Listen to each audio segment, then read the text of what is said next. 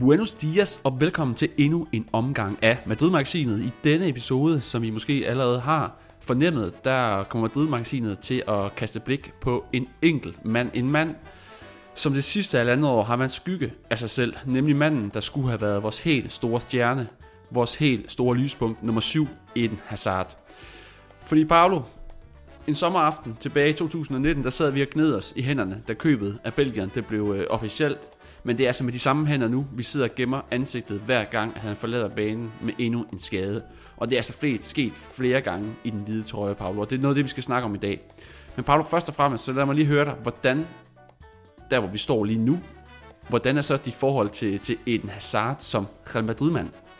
Jamen lige nu er det jo fuldstændig øh, det, altså forfærdeligt. Det er et forfærdeligt øh, anstrengt forhold. Før i tiden elskede jeg den her fodboldspiller, og jeg holder egentlig fast i, at han i topform er den bedste fodboldspiller, vi har offensivt på holdet. Men nøj, hvor er det anstrengt, fordi hold derop, hvor er det træls at se ham igen og igen gå i græsset, bide sig selv i læben af, af smerte, og så samtidig det her faktum, at når han endelig spiller og spiller et par kampe i streg, så er han stadig en skygge af sig selv, så meget, meget anstrengt forhold.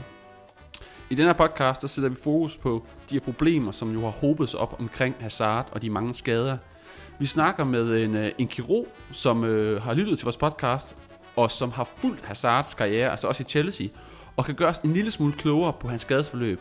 Og til slut diskuterer vi, Paolo, hvad skal der ske med Belgien? Og der får vi også øh, nogle af jer lytter med indover. Men altså, hvad skal ske med den her Belgier? Skal han fortsat være Real Madrid-mand? Det er det, som øh, vi snakker om i den her podcast. Tak fordi I lytter med. Un, dos, tres. A la Madrid! Han skulle have været med til at udfylde hullet efter Cristiano Ronaldo. Han skulle have været manden, der solgte tusindvis af trøjer og tjente penge ind til Real Madrid, og ligesom skulle være billedet på et nyt Real Madrid, et nyt mesterhold. Han skulle være ham, Paulo, som vi alle sammen snakkede om. Ja, og, og, og på en eller anden måde, så er det jo det sidste, du nævner, det er jo lykkedes. Det er ham, vi alle sammen snakker om, men det er jo af nogle negative årsager desværre. Og Nikolaj, prøv lige at tænke tilbage på den her episode af podcasten, du lavede for, det er vel ved at være lidt over et års tid siden, hvor du snakkede mm. med hans, øh, hans holdkammerat tilbage i lille dagene, Emil Lyng, danske Emil Lyng, som jo øh, ja, som, som var Hazards gamle holdkammerat. Jeg prøvede at finde sådan et lille lydklip fra, øh, frem fra den udsendelse, som jeg lige synes, dig og lytterne skal, skal huske tilbage på her. Men tror du nogensinde, han kommer til at vinde den her Ballon d'Or-pris? Det tror jeg ærligt og redeligt, at han gør, ja. Det gør jeg. Altså, jeg kan godt se feltet, det er, det er stærkt, og det har det været de sidste mange år, ikke? Mm. Med Neymar, Messi, øh, Ronaldo, og nu også Van Dijk, der kommer ind i billedet, øh, Modric. Men jeg er sikker på, at Hazard, han skal nok nå det.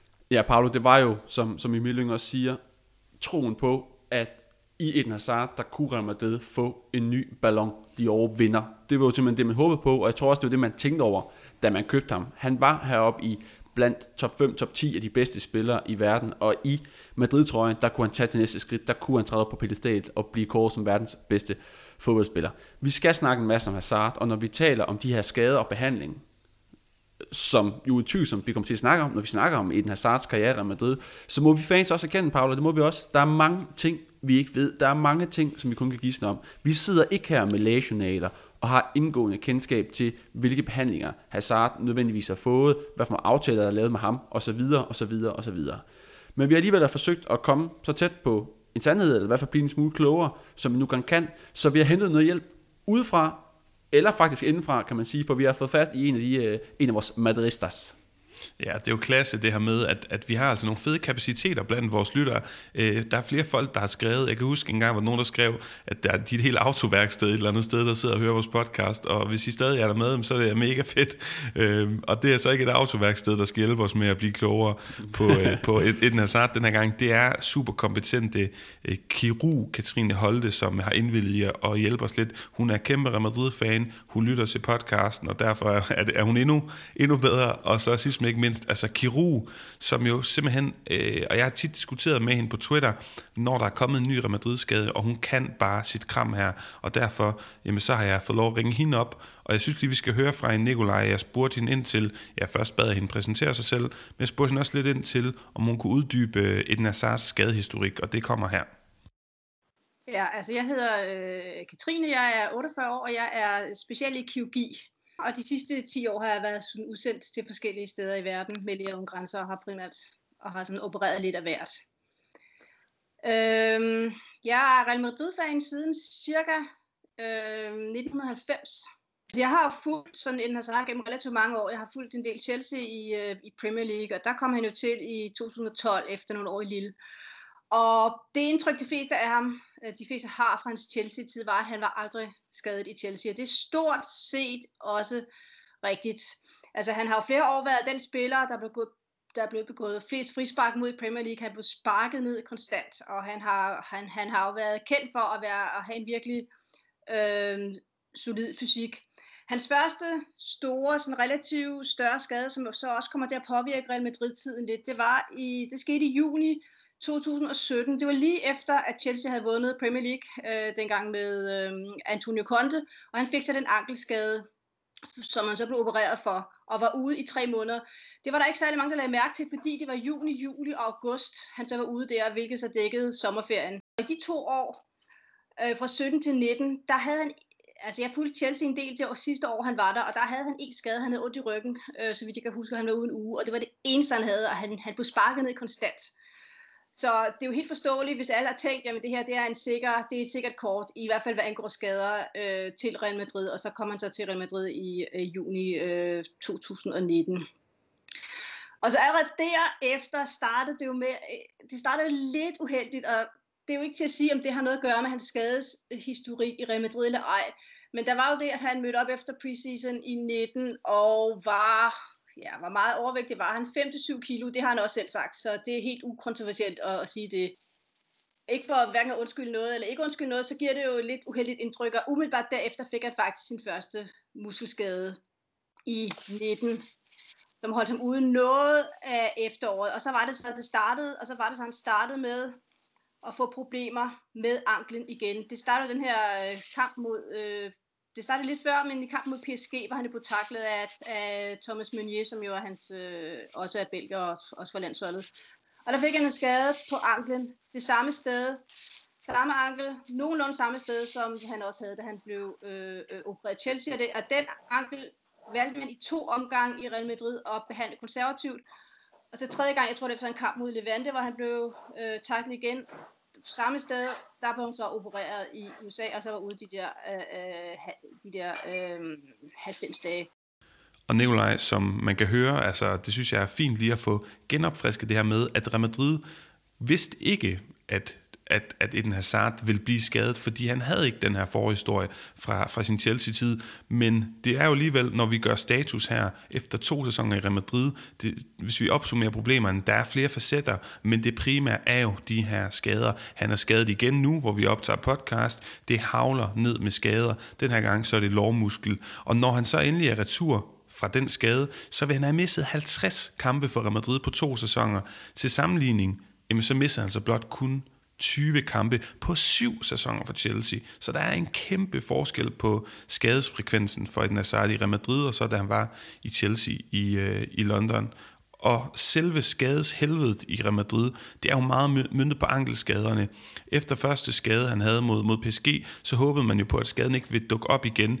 Men det gjorde den, og ifølge Katrine Kiron her, som vi lige hopper tilbage til, så er det faktisk ikke så mærkeligt, at skaden hoppede op igen sagen er den, at, at når man nu har behandlet noget konservativt, og det ikke gik, så, kan man jo, så er det jo meget, meget nemt at kigge tilbage og sige, okay, det skulle vi have gjort anderledes. Øhm, altså anklen, øh, igen, nu ved jeg ikke præcis, hvad det var, men tit er det sådan med, med, med, med, med ledbåndsskader og meget, meget små brud, at nogle gange heler det simpelthen af sig selv, og alt andet lige er det jo bedre, hvis noget kan hele 100% af sig selv, end hvis man skal gå ind og sætte plader og skruer i.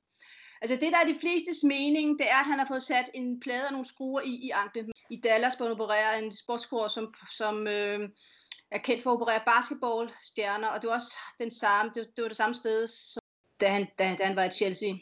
Men altså, i bagklodskabens lys, der tænker man da også selv, ej, men skulle man ikke bare have sat de der skruer ind, eller, eller opereret ham? Ja, og Nikolaj, altså pointen her er netop det her med forskellen på at, øh, at operere, øh, og så vente og håbe på, at tingene heler selv, og altså kroppen selv kan gøre området øh, stærkest muligt ved en konservativ behandling. Og det er altså ikke så mærkeligt, at Real Madrid har prøvet at håbe på, at den Hazards ankel kunne, øh, kunne hele selv. Men Nikolaj, det er jo ikke kun skaderne i Real Madrid, der har forpestet hans ophold, og som er problemet i sig selv. Nej, altså man kan sige, noget af det, der, der også hænger sig til, og der gør, at vi også sidder og snakker om ham nu, øh, og snakker om de her problemer, som kredser sig omkring Eden Hazard. Jamen skaderne, Paulus, som du siger, men så selvfølgelig også det, at manden hedder, ja, Eden Hazard.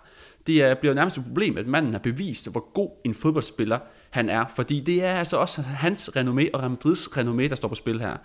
Først og fremmest, så når han er klar, som sker meget sjældent, men når han er klar, så spiller han. Og man har jo lidt fornemmelsen af, at det primært sker på grund af hans navn, hans status, hans pris, hans løn, hans brand. Han skal køre sin stilling, og det er lidt det, man håber på. Så når han er klar, så spiller han. Men når han så spiller, jamen så er det jo ikke med bravur. Vi har set øh, fire mål på to sæsoner. Øh, nogle af målene har der været flotte mål, men fire mål, Paolo. Fire mål på to sæsoner fra manden, som et eller andet sted skulle træde ind i, i Cristiano Ronaldos øh, øh, fodboldsko. Ikke udfyldt dem helt, men nogenlunde fire mål. Det lyder ikke meget, og særligt ikke meget med det prisskilt. Og så har han jo på snart de her to hele sæsoner, som vi har, jamen der har manden fuldført blot to kampe i streg, altså 90 minutter. Altså, han er simpelthen, hvor han simpelthen har været, skal man sige, en ressource og sagt, her er en mand, vi kan stole på. Det har kun været øh, over øh, to kampe, 90 minutter, en gang mod Leganes Betis i efteråret 2019. Altså vi skal helt tilbage i 2019. Og så en så skadet stjernenskriber, han skaber jo negativ omtale og fokus og der spredes jo dårlig stemning omkring kongeklubben og Hazard, det ved vi som fans. Vi peger jo på den ene undskyldning og den anden undskyldning, så er det Zidane's skyld, så er det Lægestæbens skyld, så er det Payers skyld, så er det Hazards skyld selv. Altså, vi får desværre noget at tale om, og det er jo heller ikke godt, og det skaber også et problem. Ja, og man kan sige, at vi så det senest med, øh, med Zidane, der simpelthen kogte over til pressekonferencen, fordi de bliver ved med at spørge ind til et Hazard, og du kan også høre Zidane presset, fordi han kommer tilbage, han får sit stjerneindkøb øh, i sommer 2019, mand, der skal være galionsfigur på det her sportslige projekt, og han har sgu nærmest ikke, som du lige har flot skitseret, det er kun en eneste gang, at Hazard på nu snart to sæsoner har spillet 90 minutter, to kampe i streg. Det er jo vanvittigt. Mm. Det er jo fuldstændig vanvittigt, og også helt vildt ærgerligt, både for Hazard, men jo også for Zidane, som, som, som immer væk, uanset hvad, kan man bare kun måske stille 99% af de forventninger, man havde til ham, fordi han har ikke haft den her stjerne tilgængelig. Og når det så er sagt, Nikolaj, så har han jo nogle gange haft ham tilgængelig i den Hazard. Mm. Det er sjældent, mm. som du siger, men uanset hvad, må vi bare konkludere, han har slet ikke vist noget, der minder om den top 10 spiller i verden, som man jo købt fra Chelsea. Han er simpelthen, altså, en, en skygge af sig selv, det synes jeg nærmest er en hån mod den skygge, der, der, der eventuelt måtte, måtte følge ham. Ja. Han mangler sin fart. Der er ikke noget at gå på mod længere i hans spillestil. Hans driblinger, hans initiativ, det hele er simpelthen væk. Og der er jo også et argument om, en ting er så, at han ikke har det her, men han spiller på meritter, som du siger. Men det er jeg faktisk også ret træt af, fordi selv en Rodrigo eller en Vinicius, som vi har set øh, øh, variere meget i niveau, jeg synes stadigvæk på deres dårlige dage, at de bringer mere på det her hold, end, end Hazard gør. Ja, altså man kan simpelthen sige, at, at bundniveauet er jo simpelthen, simpelthen højere, og det bliver jo et problem, fordi at du netop har hans navn, som bliver ved med at tage den her plads. Altså når han er klar, så skal han spille, og så sidder der en, en ung Vinicius og Rodrigo. Det svinger også meget om dem, det ved jeg godt, så det er jo ikke, altså...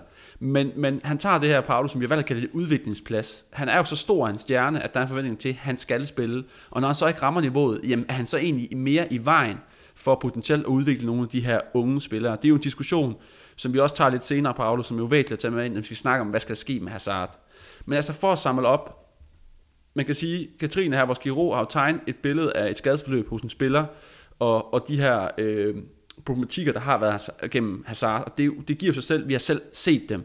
Vi har prøvet at, at, at rise op nu med Paolo, hvad problemerne er, der er skaderne, der er hele renomméet og den stemning, han skaber i Real Madrid. Og så er der også det problem, at når han så endelig har spillet, jamen, så har vi slet ikke set det niveau. Han er langt fra en top 10 spiller, som du selv siger. Og det er jo nogle af de her ting, på baggrund af to sæsoner, på baggrund af de her skader, på baggrund af de ting, vi har set, det er nu, at det er jo væsentligt at tage en snak om, med alt det, der sker om det, jamen hvad skal vi gøre med Eden Hazard? Skal Eden Hazard fortsætte med at være Real Madrid-spiller? Det er det, vi skal diskutere nu her.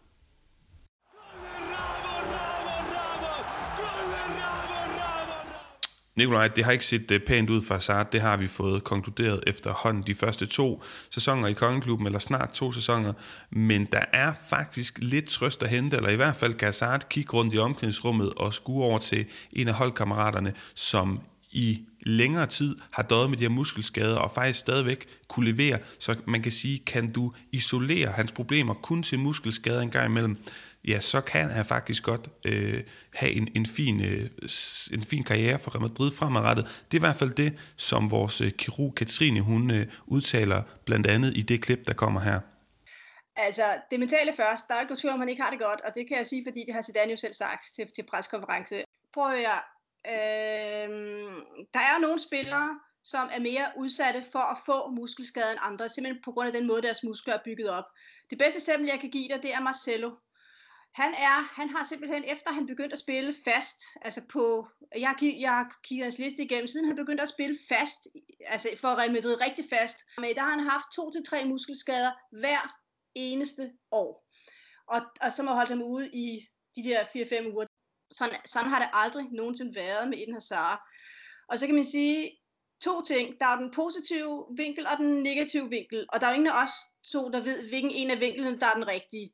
Den positive vinkel, det er, okay, nu har han haft de her problemer med anklen, de ser ud til at være løst, men fordi han har haft de her problemer med anklen, så er han bange for at gå ind i taklinger og, og lægge sit spil an på en lidt anden måde, så han belaster musklerne anderledes, end han plejer, og det kan de ikke klare, og derfor bliver han skadet. Så hvis lægeteamet får styr på træningen, den negative udlægning er, at han har spillet professionelt siden han var 15. Han har spillet vanvittigt mange kampe. Han har den her meget øh, konfronterende stil med, med accelerationer og driblinger, og hans krop er simpelthen ved at være træt. Men med ja-hatten på, så er den her skade der, og den lille en, og det, at det er nogle forskellige muskler, han, han er skadet i. Altså, det, det er den højre, det venstre lårmuskel er det den her gang. Sidste gang var det en højre lårmuskel, så, så det er ikke den samme skade, som ligesom pusset op, men det er nogle forskellige muskelskader. I det her klip, vi lige har hørt, Paolo, der giver Katrine jo udtryk for, at man trods alt, og det ved vi jo godt, og det er også det, som mange har skrevet på, også nogle af jer, vi har spurgt med, altså kan ændre noget med en anderledes træning og behandling fra lægestaben. Og måske også, man skal sige, at en Hazard kan ændre noget. Men uanset hvad, så har der været to år til at ændre på tingene, og faktum er, at en Hazard ikke ligner nogen succes i Real Madrid-trøjen. Det gør han jo ikke, og det er jo det, der er problemet. Og det er jo det, som gør, at vi laver den her podcast, og vi bruger tid på at snakke om det. Og bare det, at vi gør det, er problematisk i sig selv. Fordi han skulle være stjernen. Det var manden, der skulle redde os. Spørgsmålet er så nu, hvad skal man stille op? Skal man opgive det projekt, det sportslige projekt, som kredser sig om Eden Hazard? Skal Zidane have tålmodighed, eller er den sluppet op? Skal han ud af folden, eller skal vi give det en sæson mere? Det er jo det, vi skal diskutere nu, Paolo. Og vi har jo startet med at spurgt vores lyttere på Facebook, hvad, hvad for nogle tanker de gør sig. Og tak for alle de inputs, der er kommet. Og der ved jeg, Paolo, at du har udvalgt nogle, nogle pointer, i hvert fald fra, fra to af vores, vores lyttere, som, som du synes er væsentlige at, at tage med ind, når vi nu her skal snakke om, hvad skal ske med Hazard? Ja, præcis. Og, og øh, for det første, ja, tak for jeres gode inputs. I skriver stort set alle sammen, at man skal sælges, og det overrasker hverken, hverken mig eller Nikolaj, og mm. det er jo den, den gængse holdning. Derfor har jeg så ikke taget øh, alle de, øh, alle de mange svar, hvor der står selv ham med, men prøvet at udvælge nogle pointer i nogle af de lidt, ja, lidt længere, lidt mere, øh, altså folk, der har ligesom har, ja, har, har skrevet nogle lidt længere svar. For eksempel Mike Krav, som skriver det her med, at han også ja, synes, han skal sælges, fordi han er for dyr til at, ja, til at gå rundt i klubben, når han ikke er fit. Det er jo det. Altså en ting er en dyr spiller, som så er fedt og som leverer, men når han ikke er fedt, så bliver den her høje lønning virkelig problematisk. Og så skriver Mike også, at vi bliver nødt til at regne hans løn med i de her tider, og med de her tider, så tror jeg, mener, han mener, de her corona-tider, et salg uanset prisen er et go for Mike. Og det kan vi så diskutere, Nicolaj, om det er, men pointen her er jo, at covid-landskabet har ændret øh, lidt, øh, og også har noget at skulle have sagt her, fordi klubberne øh, må, må vi formode, har ikke lige så mange penge, hverken i transferbudget eller i spillerlønninger til at rende rundt og købe øh, en, en, en afdanket et Nazar. Så det er bare måske ikke så nemt at sælge ham, som man kunne tænke eller håbe. Og så er der øh, Mads øh, som også er budt ind. Og, og, og Mads Ingedal, han, han har jo samme pointe der med selv ham, og få nu, hvad man nu engang kan. Altså, det er jo lidt den her idé om, at, at uh, redde det, der nu engang kan reddes. Og så er man nødt til at se fremad. brug de unge kræfter, så kan det godt være, at vi ikke vinder noget i år eller næste år, men hvis man kan få en Rodrigo til at spille noget af det bedste, han har vist, en Ødegård med sin Sociedad-form, en spændende Kubo og en masse andre talenter til at vinde en masse fremtid, så vil han i hvert fald, altså Mads Engdahl, tage det her valg. Så der er også det perspektiv, vi har været inde på, Paolo, med, med, med fremtiden. Sælg ham, få det bedste ud af ham, og begynd at orientere jer mod, mod talenterne, der så, øh, der så skal, skal hente derhjem, og så accepterer vi det vilkår, at den mand, vi har købt, der skulle være stjernen, jamen han er her ikke nu, så vi skal selv udvikle vores stjernespiller, og det kan godt tage et til to år. Pointen Ja, er her, jeg- han tager spalletid for unge talenter, og Ja, lige præcis. det er vi ikke tjent med. Det, nej, og, og man kan sige, der er jo mange nuancer. Lad os så sige, okay, jamen lad os sige, det her det bare var et Playstation-spil, og man bare kunne gå ud og sælge ham. Jamen problemerne, grund til, at det ikke er sådan, det, for det første, så er jeg ikke sikker på, at Nazard, han vil synes, det er fedt at blive solgt nu. Altså er han villig til at give op på den drøm? Han flyttede med Real Madrid så længe, og han har været to års øh, fiasko. Er han villig til at sige, ved I hvad, jeg accepterer det, og så hopper jeg videre? Det er den første ting. Er en fremtidig klub, en potentiel køber, villig til at sige, ham der, som var så god engang, men har været så skadet, er vi villige til at give ham en høj løn, og selvom han nok går for meget mindre, end Real Madrid købte ham for, jamen stadigvæk, det er, en, det er et uh, tag i lommen. Og så kan man også kigge på Real Madrid. Hvis de sælger den her mand, så anerkender de, eller erkender de også automatisk, at de, måske ikke, at det har været en fejl, men i hvert fald, at der har været sindssygt meget uheld, og at det er bliver et flop. Og det er jeg ja. ikke sikker på, at Real Madrid tør med sin stolthed som institution at acceptere det nederlag på samme måde. Så der er rimelig mange nuancer i den her beslutning. Ja, det er ikke, øh, det er, det er bestemt ikke, det er bestemt ikke nemt, og det som vi også har snakket om, Paolo, i podcasten her, det er jo, øh, hvis vi bare lige hurtigt skal vinde den, så er, det jo, så er det jo det her med, at Real Madrid er jo vant til at købe de store spillere, altså Ronaldo er jo billedet på det i nyere tid, men vi har også snakket om det her med, at man købte jo også en Bale, som nu altså er i, i Tottenham og forladet klubben, og som også forlod billedet af, at han jo et eller andet sted ikke var en succes. Han forlod klubben som, i gåsøjne, forstår mig ret, en, en, en taber.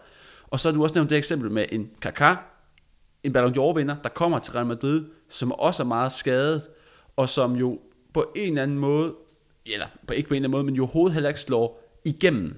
Hvis man sammenligner med de her to øh, ting, så står vi lidt i den samme situation igen, Paolo.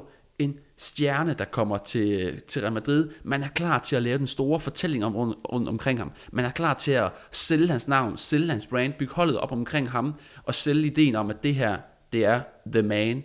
Og den, den tanke er jo fuldstændig brudt ned, og der tror jeg, du har ret i din pointe i omkring, er Real Madrid klar til at gøre op med det, for han er stadigvæk et navn, han er vores, han er vores syver, altså han er jo stadigvæk, altså hvis man kigger i FIFA, så er det ikke fordi, at, at, at, at han lige pludselig har fået 78 i FIFA, fordi han, han man, man forstår mig ret, du ved, altså vi har jo ikke, vi har jo ikke glemt ham. Når du tænker Hazard i baghovedet, så tænker du stadig en stjerne, en verdensstjerne. Der skal gå flere år, før han skrev ud af den ligning. Spørgsmålet er så, hvor lang tid at man, man har den tålmodighed, og hvor lang tid man vil acceptere, at fans som også sidder og bruger tid på at snakke om, at han ikke er en succes. Og man kan også sige, Nikolaj, nu, øh, nu, nu, hvis jeg lige skal hive fat i den sammenligning, du laver der, som jo er meget interessant, så tror jeg måske, når jeg lige laver den op i hovedet, at Azar, han stadigvæk taber i den sammenligning, både med Bale og Kaká. Kaká, fordi han ikke kostede helt lige så meget, og Kaká var alligevel op og spille en 30-40 kampe i nogle af de fire sæsoner, han havde. Plus, det kollektiv, der var, der var omkring ham, det Real Madrid-hold i de sæsoner, det vandt noget, men det var Mourinho, der var store stjerner, øh, Özil tog over for Kakas plads, og Ronaldo bumpede derud af. Og hvis du kigger på Bale, jamen Bale han vinder også i en sammenligning med Hazard, selvom han virker mindre, altså pressen generelt, og især spansk presse, er, er klart mindre glade for Bale end for Hazard, men stadigvæk, så vil Bale vinde i sin sammenligning, fordi han har vundet så meget med Real Madrid, og han har gjort så mange store ting, Mm. Og da han selv, da han var skadet, jamen så kunne en Isco, en Asensio, øh, måske gå ind og tage over en Lucas Vazquez en, en, en gang imellem for til at glemme om Bale, samtidig med igen Ronaldo, vi, vi kan ikke lade være med at nævne ham, han blev ved med at bombe mål ind, og så glemmer man det. Men når Real Madrid samtidig er en dårlig, eller i en dårligere sportslig forfatning, som man må erkende, de er lige nu, så gør det endnu mere ondt at se, at stjernen han ligger på operationsbordet, skulle jeg til at sige, på skadestuen ja, ja. endnu en gang. Og det er jo ikke Hazards skyld, at det går dårligt for Real Madrid. I hvert fald ikke direkte. Det er ikke noget, man 100% kan tilskrive ham. Men det hjælper eddermame ikke på hans situation.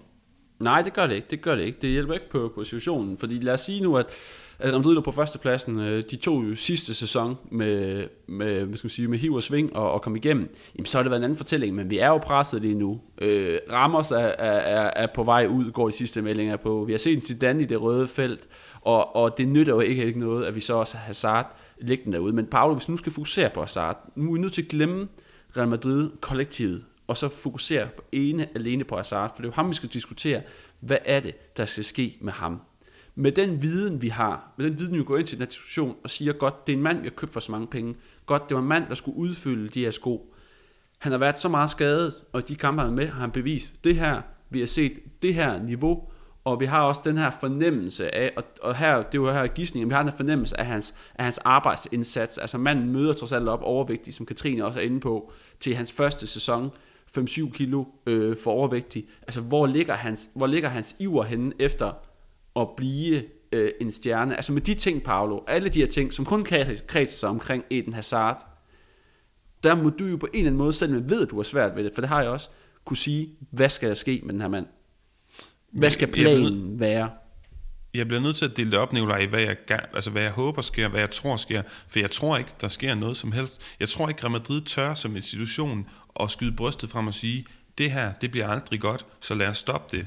Ja, ikke mens lejen er god, mens, men mens lejen stadigvæk er dårlig og ikke er katastrofal endnu det, det, det jeg tror, der sker. Jeg tror, at Real Madrid de bliver ved med at prøve at få ham øh, op og køre igen, indtil at øh, ja, det uundgåeligt på en eller anden måde sker, ligesom, lidt ligesom med Bale, hvor man fortsat og fortsat og fortsat, og til sidst så fandt man en eller anden halvdårlig løsning med et lån et eller andet sted hen. Det er det, jeg tror, der sker. Det, jeg håber, der sker, det er, at man indser det her, vi kan, vi, kan, vi kan stadig væk prøve at lave noget damage control på det her, Send en Nazar væk. Jeg tror ikke, jeg har ikke hørt noget, og jeg har ikke fornemmet noget, der, der, der får mig til at tro, at det her det kan blive rigtig godt. Og så længe det ikke kan det, så vil jeg ligesom flere skriver blandet Mads Singedal også satse på fremtiden. Fordi en god, positiv, øh, ung historie, lad os sige en opblomstring til Vinicius eller Rodrigo, hvis der er noget, der hurtigt kan få os til at glemme et dårligt indkøb af Azar, så vil det være, at en mand som for eksempel Vinicius eller Rodrigo får en kæmpe opblomstring igennem de næste par år og bliver en, en verdensstjerne. Ja, og så, så er realiteten jo også bare den, at vi som Real Madrid-fans er utålmodige. Så nu siger du allerede de næste par år.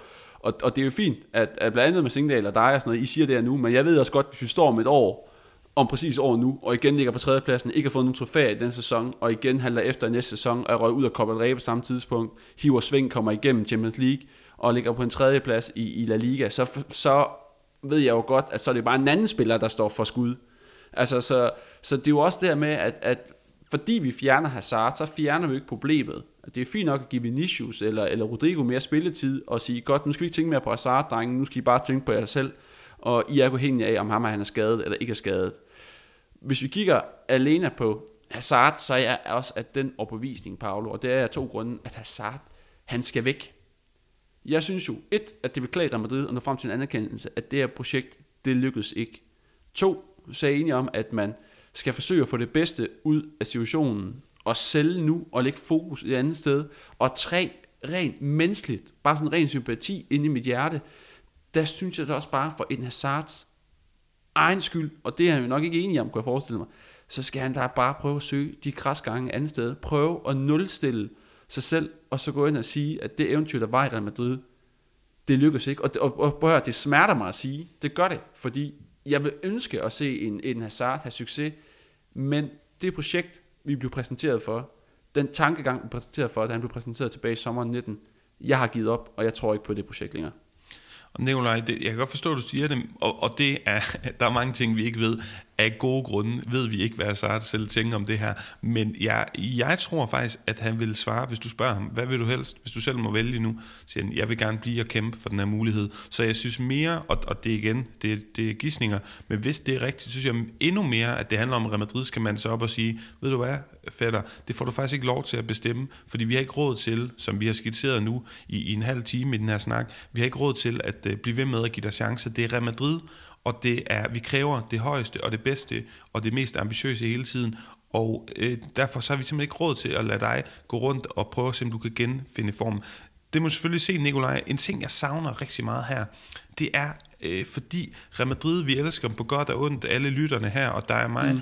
en ting, jeg kan være træt af med den her klub, der er så politisk korrekt, der er så kontrolleret, det er, at vi kommer aldrig ind bag facaden, og Real Madrids PR-team, de kunne vinde så sindssygt meget, hvis du spørger mig, ved at lave en reportage, hvor man går ind bagom og ser, hvor hårdt det er for Hazard. Se, hvor meget han prøver. For jeg er ikke i tvivl om, at han bruger 8, 10, 12 timer hver dag på Valdebebas på at, at træne op igen. Og det er uheld, det handler om meget hen ad vejen det her. Så hvorfor er det, vi ikke ser det? Hvorfor får vi ikke lov at se de gode historier? Måske han genoptrænet med, med andre skadede spillere. Høre, hvor godt han har lært at snakke spansk. Det har jeg allerede øh, kunne fornemme, at, at, at sådan nogle ting er godt på plads. Han er godt integreret mm. i truppen, griner med, med de andre og hygger sig. Det vil, det vil, jeg synes, det vil hjælpe rigtig meget på en stålmodighed lige nu. Et, men det får vi et, ikke et oplagt svar, et oplagt svar på det, det kan jo bare være at sige, det er godt, at en god historie ikke er der. Jeg tænker det samme, men det kan jo godt være, at den gode historie ikke er der. At det, mm. vi drømmer om, og det, vi tror på, og, og, og den romantiske tanke, vi gerne vil have omkring den her mand øh, i Real Madrid, at den, at den simpelthen bare ikke er der. Mm. Altså, det, det, det tænker jeg, fordi øh, man kunne, man, kunne, man kunne spænde det på så mange forskellige måder, øh, men på et tidspunkt, der løber man garanteret også tør, og nu er der gået halvanden sæson, og, og, og hver, gang man nærmest, hver gang han nærmest optræder foran en kamera, så er det jo nærmest komisk, fordi at han jamen, ser skadet ud, eller sådan, altså, han er, han, er, han er en dårlig fortælling lige nu, og derfor vil jeg sgu heller ikke øh, sælge meget på ham, der, altså, hvad skal man sige, igennem, igennem området. Mm. Men Nicolaj, jeg synes, vi skal introducere øh, et sidste klip, som jeg, jeg fik ud af min snak her med, med Kirun Katrine, vores, øh, vores lytter, og, øh, og ja, vores ekspert i, i forhold til det her med skaden, fordi jeg spurgte hende til aller, aller sidst, tror hun overhovedet på, at vi kan se den her mand i topform i Real Madrid-trøjen igen. Og nu siger du, at det er en dårlig historie, som, og du måske ikke tror, at den gode historie findes. Hun tror måske heller ikke frygtelig meget. Hun er i hvert fald ikke frygtelig optimistisk i forhold til, hvad folk i hendes branche, hende inkluderet, vil, øh, vil sige til fremtidsudsigterne for øh, Azar i Real Madrid-trøjen. Altså, jeg tror ikke, at du vil finde nogen, der vil sige, at det er særlig lovende med, med, med, med, med den her skades øh, historik. Det er, de her muskelskader, det er mindre skader, som han har, og han har ikke haft dem før, så medmindre hans krop er slidt, så burde det være noget, de kunne få styr på, men på den anden side ville det heller ikke være overraskende for mig, hvis hans krop rent faktisk er lidt slidt, øh, kvæg den måde, han, han øh, har, har spillet på øh, gennem hele sin øh, karriere. Som vi også hører Katrine sige, så åbner hun det her lille hul til, at tingene kan godt lykkes. Tingene kan godt blive gode, men alligevel så hopper hun over på det andet ben, og er i tvivl, øh, når vi kigger på, på Eden Hazard. Og det er jo det, der er, Paolo, der hvor vi står lige nu, og det er den her podcast også handler om. Et eller andet sted, der tror vi to, vi er enige, der skal ske noget med Eden Hazard. Han kan ikke forblive Real Madrid-spiller. Det er jo i hvert fald det, som, som vi har fundet frem til, og det, som vi også kan se mange af vores øh, lyttere skriver. Det virker som om, at der er enighed omkring, men stadigvæk derude, Paolo, den sted, der ligger det lys. Kan den her mand blive en god fortælling? Kan den her mand blive, blive en succes? Kan han vende tilbage og blive fit for de her skader? Vi ved det ikke. Om alt det, der foregår om Madrid lige nu, der er det svært at, at gøre sig klog på. Men vi er måske i hvert fald, i hvert fald enige, kan man sige, Paolo. Ja, og så vil jeg sige, at øh, inden folk begynder at sammenligne for meget med andre flop i historien, der er en grund til, at, at, at han er helt oppe, hvor jeg nærmest ikke synes, synes, at han kan sammenlignes med andre, fordi han er blevet 30 år. Det er halvanden sæson nu, hvor vi ikke har set ham i topform. Havde, havde han så imellem skaderne leveret godt, men det har han heller ikke. Og han kostede så mange penge og hans spillestil er så afhængig af den fart og den her, det at gå på mod de her driblinger, som vi heller ikke har set. Så når man lægger de her mellemregninger sammen, ja, så bliver min konklusion i den her podcast, Nikolaj, at det mm. kan ikke, øh, jeg tror simpelthen ikke på, at det kan ende godt for Eden Hazard i Real Madrid. Og Paolo, det er jo den triste nyhed. Jeg vil ønske, at vi kunne sige det anderledes og blive enige om det anderledes. Men, men hvis det står til os, og det er meget sort hvis det står til os, så skal den her mand på en eller anden måde sendes videre, og så skal findes en, en god løsning, som alle kan, alle kan leve med. Det er vel det, vi er kommet frem til, Paolo. Og det er, det er, en, hård, det er en hård sandhed, og det er også det er jo sådan, det er, og det er heldigvis det, som et eller andet sted mange er, er enige om. Så må vi se, hvordan det ender. Paolo, det var, øh, det var det for den her gang. En fokus på, på, på Eden Hazard, 100% fokus der. Vi skal nok begynde at kigge lidt mere mod Real Madrid i det hele taget. Også, der foregår en masse spændende ting, vi optager her tirsdag i forhold til, til rammer. Så kommer en masse udmeldinger i dag. Det skal vi nok også øh, kigge, kigge tilbage mod. Øhm, men ellers så var det vel bare det for, for den her gang, Paolo. En, en, en trist historie, vi vendte. Altid trist at snakke om den her mand, der skulle være stjernen, og, og der hvor vi er nu, og at der er overhovedet mulighed for at snakke om den her podcast. Ja, men også en nødvendighed. Nu har vi fået det skitseret, og så må vi øh, videre op på hesten igen, Nikolaj, og så Yes. øh, se, hvad næste samtalepunkt bliver. Men skal vi ikke bare lukke ned med vores øh, vand? Jo. Tak fordi I lyttede med, og, Og à la à la Madrid. Madrid.